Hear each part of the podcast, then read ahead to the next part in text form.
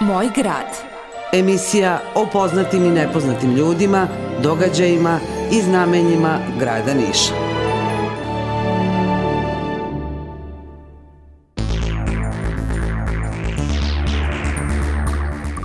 Pomože Bog, poštovani slušalci, dobar dan i dobrodošli. Vi pratite novo izdanje emisije Moj grad na Radio Glas Pravoslavne eparhije Niške.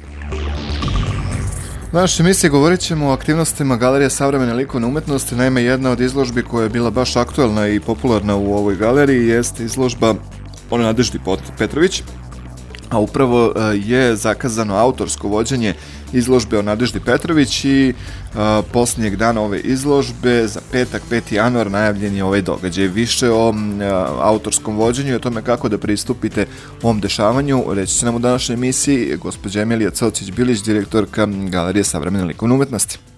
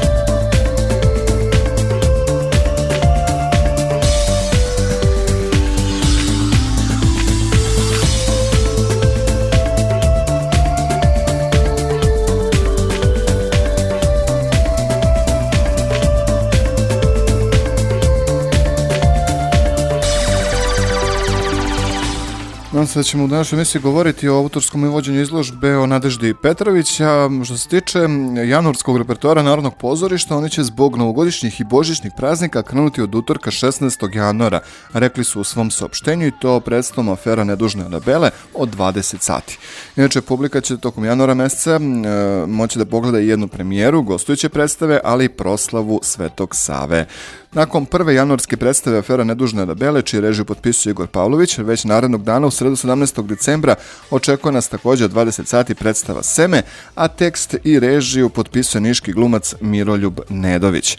U četvrtak 18. januara 20 sati termin je rezervisan za predstavu Brod za lutke Milane Marković i režije Ive Milošević, dok će ista predstava biti ponovo izvedena i u subotu 20. januara takođe od 20 sati.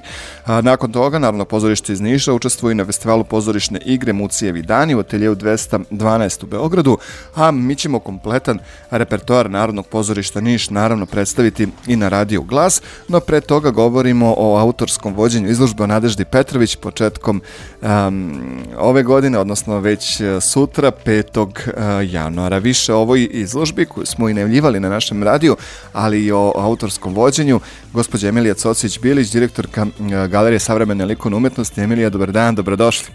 Mm, dobar dan, dobar dan vama i vašim slušalcima i naravno srećni praznici. Da, kođe, srećni praznici, lepo da ih provedete. Hvala. Dosta smo se mi puta čuli u 2023. godini i govorili o brojnim um, dešavanjima u galeriji savremene likovne umetnosti, uopšte o svim objektima i uh, sada kada se godina završila, kako biste vi kao direktor ove ustanove ocenili uh, uspešnost i koliko ste zadovoljni svime što je pružila galerija?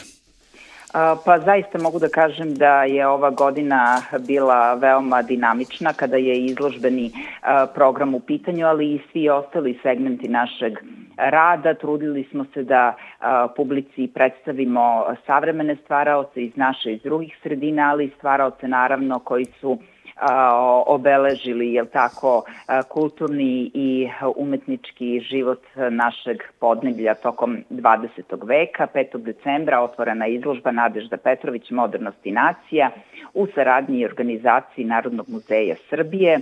Autori ove izložbe su profesor dr. Lidija Merenik i profesor dr. Igor Borozan, redovni profesor odeljenja za istoriju umetnosti Filozofskog fakulteta u Beogradu i pretpostavljam da je veći broj vaših slušalaca već posetio a, paviljon koji je do sutra otvoren do 18 sati i moguće pogledati izložbu e, i da se uveri u to da postavka obuhvata zaista reprezentativni izbor 50 dela rodonačelnice Srpske moderne ustanove, umetnosti pardon, iz kolekcije četiri ustanove Narodnog muzeja Srbije, Umetničke galerije Nadežda Petrović Čačak, spomen zbirke Pavla Beljanskog i galerije Matice Srpske u Novom Sadu i na jedan zaista celoviti se obuhvata način, osmišljeno u skladu sa vodećim temama i motivima, kroz hronološko-tematske celine daje uvid u razvoj i likovno stvaralaštvo Nadežde Petrović od njenih najranijih minhenskih dana, slika zemlje i naroda, zatim impresionističkih epizoda i nacionalnog narativa, pa sve do parijskog i a, ratnog perioda. Znate da je dragocen doprinos Nadežde Petrović, posebno jugu Srbije, jel tako, i a, osnivanje prve jugoslovenske umetničke kolonije preteče današnje Sićevačke kolonije koja se poslednjih šest decenija održava u kontinuitetu, naravno značajna i za formiranje naše ustanove, ali i za bogaćenje kolekcije Galerije savremene likovne umetnosti Niš. Ja pozivam sve vaše slušalce, pozivam naravno i vas da sutra od 13 sati zajedno budemo u paviljonu u Tvrđevi i prisustujemo autorskom vođenju profesora doktora Igora Borozana kroz izložbu.